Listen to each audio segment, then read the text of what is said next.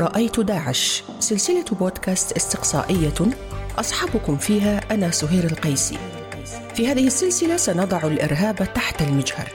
سنفكك التعقيدات المتعلقة بداعش ونسلط الضوء على جهود الحد من تأثير التنظيم الإرهابي. تابعونا عبر منصات التحالف الدولي ضد داعش على فيسبوك وتويتر ومن خلال هاشتاغ رأيت داعش.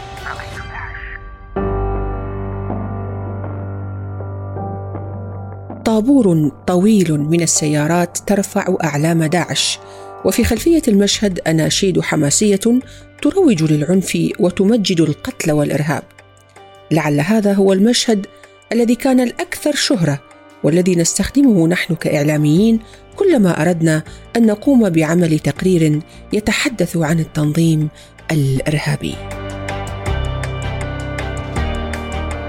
وفي كثير من فيديوهات داعش كنا نجد مقاتليه يطلقون النار بلا حساب ومن دون وجود أهداف محددة يستهدفونها وكأن كل أنواع الذخيرة بالنسبة لهم لا سعر لها. هذا التباهي كان مقصودا. فأعداد السيارات وكميات الأسلحة والعتاد العسكري هي جزء من إمكانات داعش وقدراته المادية التي كان يتباهى بها. ويحرص على تقديمها في رسائله الإعلامية المصورة. مئات الملايين من الدولارات كانت تجري بين يدي التنظيم. الجزء الظاهر من هذه الأموال هي ما نراه في طوابير السيارات أو التباهي بإطلاق النار بلا حساب. أما الجزء الأكبر من خزائن داعش وثرواته فقد كان يختفي في الظلام. ويتدفق عبر مسارات غامضة لعصابات تهريب السلاح والبضائع والبشر. التقارير العراقية مثلا التي هي تساندها التقارير التحالف الدولي في العراق وسوريا لديه مبالغ ليست أقل من 600 مليون دولار وخارج أرض الصراع في العراق وسوريا ربما استثمر هذا التنظيم الإرهابي مبلغ ليس أقل من نصف مليار دولار. كان هذا صوت المرحوم الدكتور هشام الهاشمي الخبير المتخصص في الجماعات الإرهابية خلال حوار له مع إحدى المحطات العربية. طبعا الدكتور هشام الله يرحمه جرى اغتياله في بغداد في تموز يوليو 2020 فإلى روحه السلام. سرمد الطائي كاتب وباحث عراقي مهتم بدراسة داعش وغيرها من الجماعات الإرهابية التي تسيء للدين وتخلطه بالعنف المسلح. له كتاب عن تحولات الفكر الإسلامي المعاصر. كان رفيق للدكتور هشام الهاشمي في صراعه ضد المتطرفين. لذلك توجهت إليه لأسأله عن تقديرات الدكتور هشام لثروة داعش. طبعا هذه الملايين أو المليارات من الدولارات أين ذهبت وكيف تكونت؟ بالحقيقة داعش هي كانوا يسمونه الخبراء بأنه الجيل الثالث من المتشددين الدينيين ولكن شهدنا إقامة دولة آه، لديها أراضي وحدود وأموال ومصادر تمويل متعددة مثل كل الدول الأخرى حتى أنها أصدرت العملات الخاصة بها في سنة 2014 أجزاء كبيرة من العراق ثلث العراق واحدة من أهم مدن العراق الموصل مع أجزاء كبيرة أخرى من محافظات أخرى الأنبار وصلاح الدين. وأيضا الأراضي السورية وكان التنظيم يكتسح هذه الأماكن الغنية بالثروات والنفط والمؤسسات والبنوك.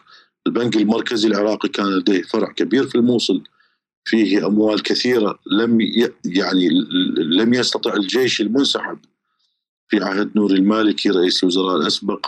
حتى أخذ هذه الأموال أو باقي الثروات وباقي الأسلحة وهكذا في سوريا ثم آبار النفط الكثيرة الموجودة ثم يعني الأساليب متنوعة وصلت إلى أوقح آه، الأساليب من قبيل بيع البنات الإيزيديات وغير الإيزيديات حتى بعض البنات المسلمات.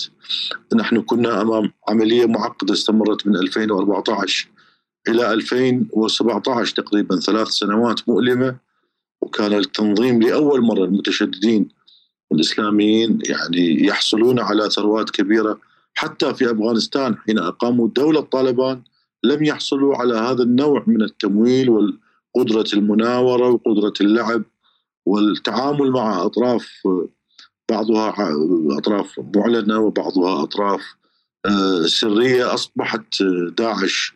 في تلك السنوات سلطة شبه رسمية. أستاذ سرمد عندك فكرة عن حجم الأموال اللي ملكها داعش؟ لا لا أحد يستطيع أن يحدد حجم هذه الأموال، لكن ثلاث سنوات من السيطرة على مناطق استراتيجية مهمة كان فيها أموال، كان فيها أسلحة متطورة، فيها آبار نفط، فيها تجارة بالنسبة إلى تنظيم ظهر فجأة كانت تلك الأموال كميات كبيرة بالتأكيد تجاوزت مليارات الدولارات.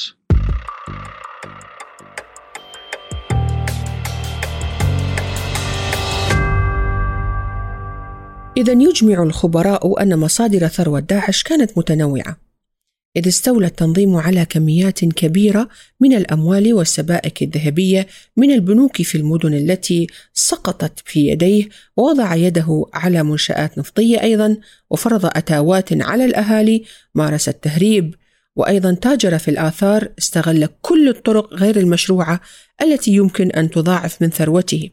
طبعا الأسوأ أن عناصر داعش كانوا يعاقبون الناس إذا ضبطوهم يقومون بالتدخين بحجة أنه حرام بينما كان التنظيم يحقق عائدات هائلة من تهريب السجائر والمخدرات.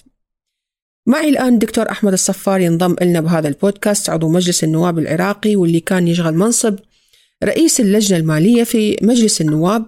وبحكم منصبه طبعا تجمعت أمامه العديد من البيانات والمعلومات عن مصادر تمويل داعش وخزائن ثروته. أهلا بك دكتور أحمد. ما مصير هذه الأموال بعد سقوط داعش؟ هل نجحت الحكومة العراقية في استرداد جزء مما نهبه داعش؟ ما اكو تنظيم أو حزب أو أي نشاط آه، يبقى ويستمر بدون تمويل بدون ميزانية. فهذا التنظيم آه، استخدم كل الوسائل من أجل الحصول على الأموال لإدامة نفسه. والتنظيم أنا بتقديري كان يمكن أن يبقى ويستمر لولا وقوعه في أخطاء وتجاوزات وسوء التنظيم اللي آه، حدث فيه وربما كان متعمد. طيب دكتور أحمد كحكومة عراقية هل وضعت يدها على بعض الأموال استعادت بعض الأموال خاصة بعد الانتصار في مناطق كثيرة في العراق على داعش؟ ما أعتقد يعني أكو قوانين آه، تصدر يعني حول استرداد الأموال العراقية سواء لداعش أو الأموال التي هربت من العراق من خلال يعني غسيل الأموال والفساد الموجود. طيب دكتور أحمد تعرف إنه الآثار كانت أحد المصادر لتمويل داعش وتهريب الآثار. طيب العراق اليوم الحكومة العراقية ماذا تساهم مع المؤسسات الدولية اليونسكو مثلا حتى تستعيدها؟ آه، نعم أكو هناك لجان شكلت آه، وحتى وزارة الثقافة العراقية يعني إحنا آه، بالدورة السابقة يعني عفوا الكابينة السابقة حكومة السيد عبد العبد المهدي استضافينا وزير الثقافة وقته وذكر بعض يعني الأمور عن الآثار العراقية الثمينة جدا التي هرب سواء عندما آه، يعني في 2004 خلينا نقول آه، عندما تعرض المتحف العراقي والمتاحف الأخرى إلى النهب أو آه، أثناء سيطرة داعش على موصل يعني ست سهير متحف الموصل أنا زايره أنا كنت أستاذ جامعة الموصل 13 سنة. رايح للمتحف. متحف جدا ثمين. في يعني آه، تحف نادرة جدا. كلها هربت يعني آه، قبل سنة آه، زرت متحف لندن.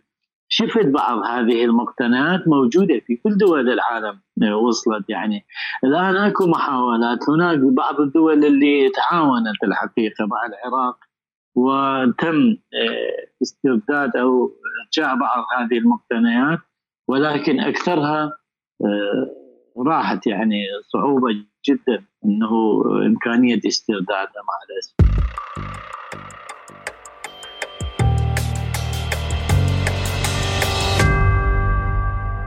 الغموض حول أموال داعش لا يتوقف عن مصادر تمويله المحلية.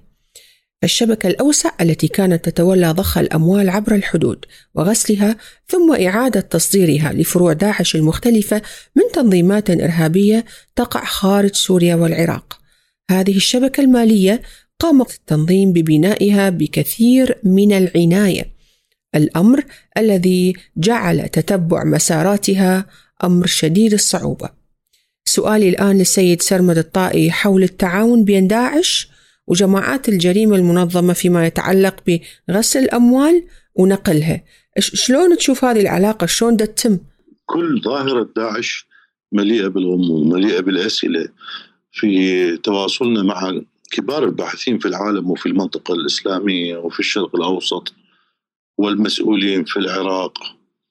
وحتى أحيانا نلتقي بمسؤولين في التحالف الدولي.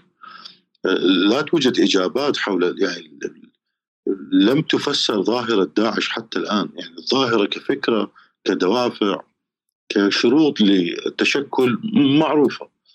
لكن قدرتها على الاجتياح السريع لهذه الأراضي قدرتها على الاستيلاء السهل على الموارد الكبيرة أه، تحولها إلى سلطة وتعامل الجميع أقول الجميع معها. أه، بالتأكيد كثير من المافيات الفاسدة الموجودة في العراق والعراق يقال إنه خلال السنوات العشرين الماضية كان واحدة من أكبر آه، اماكن مسارح العمليات المافيا الدولية المتعلقة بغسيل الأموال وتهريب الممنوعات والتجاوز على العقوبات الدولية المتعلقة بكثير من الدول. أتحول إلى دكتور أحمد الصفار، دكتور أحمد تعرف اليوم إذا تريد تنقل مثلا مبلغ ألف دولار أنت مطالب بهوية وتفاصيل. شلون شلون قدر داعش وعناصر داعش شلون قدروا يستعينون بأطراف خارجية حتى ينقلون أموال بكميات هائلة؟ تحدثت حضرتك قبل شوية عن مليارات. شلون قدر يعني؟ شلون تم هذا التعاون؟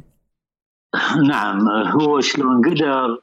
لأنه ست سهير العراق يصنف من الدول آه، اللي هي عالية المخاطر بالنسبة لمسألة موضوع غسيل الأموال. العراق آه، ما يمتلك آه، منظومة مالية ومصرفية قوية بحيث يعني تتبع مصادر رؤوس الأموال. ولذلك دائما المال القدر أو المال غير الشرعي دائما يتوجه إلى البيئات آه، الضعيفة قانونيا وتكون ضعيفة من الناحية المصرفية. إذا أشكر ضيفي سرمد الطائي شكرا لك الكاتب والباحث العراقي المهتم بدراسة داعش وأيضا أشكر الدكتور أحمد الصفار عضو مجلس النواب العراقي اللي كان يشغل منصب رئيس اللجنة المالية في مجلس النواب.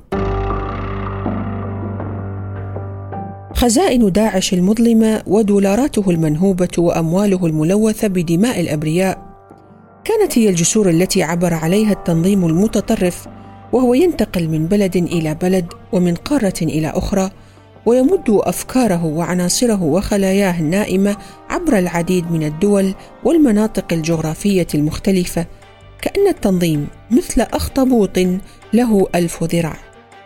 من حسن الحظ أن المواجهة مع داعش في بلادي نجحت في أن تقطع أذرع التنظيم في العراق وسوريا وتستعيد هذه الأرض التي كان يحتلها. ولكن هذا الأخطبوط الدموي الذي يتغذى على الدولارات نجح في أن يمد أذرعه إلى أماكن أخرى من العالم. ولعل ما فعله في مارس الماضي عندما استولى لبعض الوقت على مدينة بالما في موزمبيق يثبت أن الخطر ما زال قائما. فما قصة هذا الأخطبوط؟ وكيف مد أذرعه عبر البحار والقارات؟ هذا ما سأحاول أن أجيب عليه في الحلقة القادمة من رأيت داعش.